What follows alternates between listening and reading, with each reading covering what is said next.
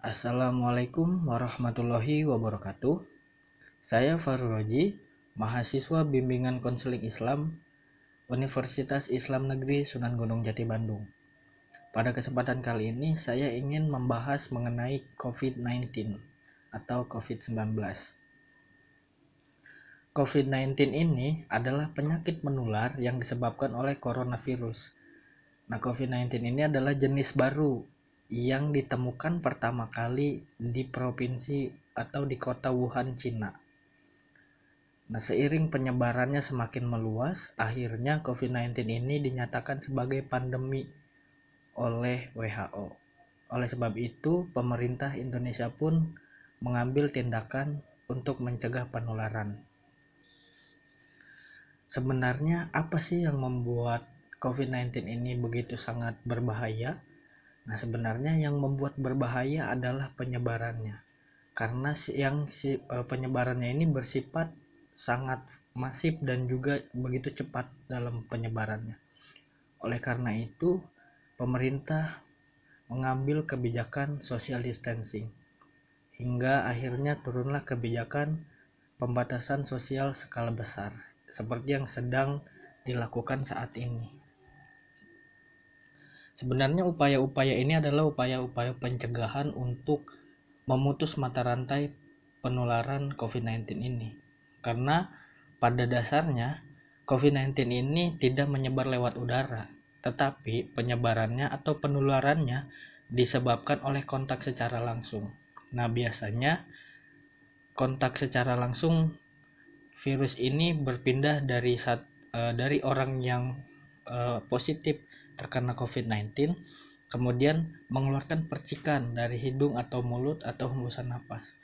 Dan menempel di benda-benda menempel kepada tubuh kita atau baju kita. Nah maka dari itu dengan adanya social distancing ini kita akan menghindari kontak secara langsung. Karena kita tidak pernah tahu siapa saja yang orang yang positif COVID-19 ataupun yang tidak. Maka dari itu langkah terbaik untuk saat ini adalah dengan tetap berdiam diri di rumah untuk menjauhkan kita e, berkontak secara langsung dengan orang-orang banyak. Nah, biasanya gejala-gejala yang dialami oleh orang yang uh, terkena COVID-19 ini, orang itu akan mengalami demam atau panas yang begitu tinggi, kemudian juga flu, kemudian batuk dan tenggorokan terasa kering. Biasanya ini gejala-gejala awal adanya indikasi bahwa orang tersebut sudah positif corona. Nah, langkah yang bisa kita ambil ketika kita mengalami gejala-gejala tersebut adalah dengan karantina mandiri.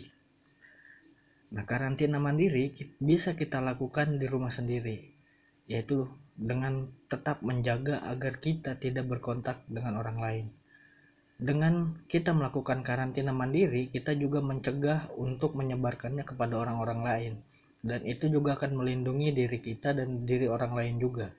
Terutama orang-orang terdekat kita agar tidak tertular oleh COVID-19. Nah, biasanya Karantina mandiri ini bisa kita lakukan dengan jangka waktu 14 hari atau selama 2 minggu. Nah mungkin dengan dua minggu itu kita harus e, mengisolasi diri sendiri di dalam rumah dan tetap menjaga kesehatan dengan menjaga pola makan, pola istirahat dan tidak lupa untuk berolahraga walaupun olahraga ringan di dalam rumah itu pun bisa meningkatkan imunitas tubuh kita.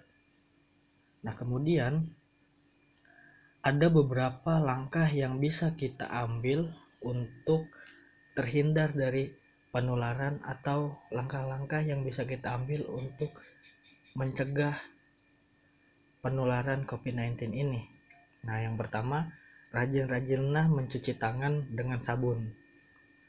Jika memang kita tidak memiliki hand sanitizer, dengan sabun adalah cara paling efektif karena kalau dengan sabun kita bisa berulang kali melakukan cuci tangan. Sedangkan dengan hand sanitizer itu kita tidak bisa berulang kali.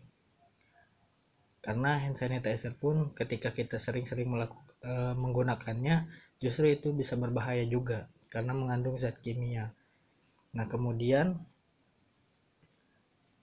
jika kita memiliki desinfektan maka semprotkanlah desinfektan kepada benda-benda yang ada di rumah seperti gagang pintu kemudian juga gagang kulkas tempat duduk, meja, dan lain-lain. Hal itu untuk mencegah atau untuk e, mensterilkan area rumah kita.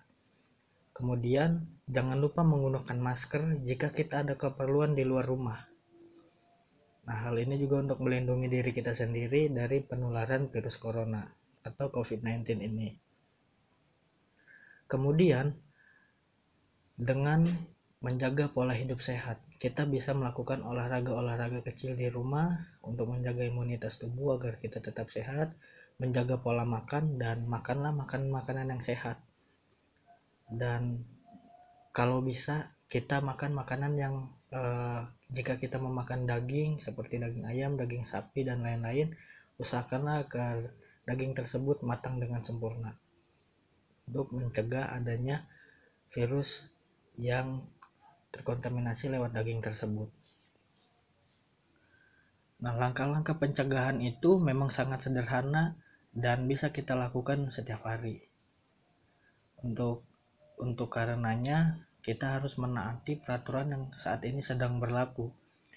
Kita pun bisa uh, melakukan ibadah di rumah karena memang bukan uh, kita dibatasi secara hak untuk beribadah namun dengan kondisi yang saat ini memang sangat riskan bila kita melakukan di tempat ibadah karena di situ orang-orang semua akan berkumpul orang-orang banyak dan kita tidak tahu siapa saja yang sudah terkontaminasi atau orang yang positif COVID-19 ataupun yang tidak. Maka dari itu untuk melakukan pencegahannya kita bisa melakukan ibadah di rumah karena para ulama pun sudah uh, memberitahu untuk kita semua bahwasannya dengan kondisi saat ini bahwa dijelaskan tidak apa-apa agar kita melaksanakan ibadah di rumah.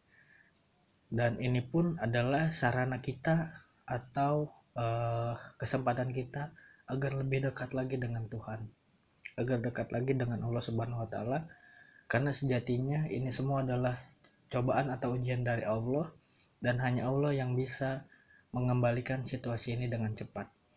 Maka dari itu kita juga harus mendekatkan diri kepada Allah Subhanahu wa taala. Dengan bertambahnya pasien setiap hari, kita pun uh, di Indonesia tenaga medis mulai mengalami kelelahan karena jumlah pasiennya begitu banyak sedangkan tenaga medisnya begitu terbatas. Nah, hal ini kita bisa membantunya dengan tetap berdiam diri di rumah. Maka dari itu, tetap jaga kesehatan kita, tetap jaga keluarga kita dengan stay at home atau dengan tetap di rumah aja.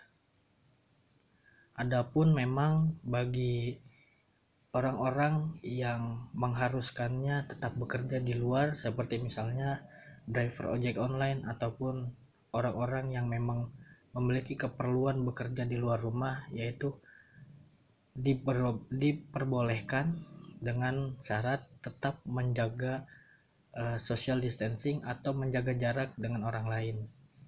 Dan tidak lupa menggunakan masker.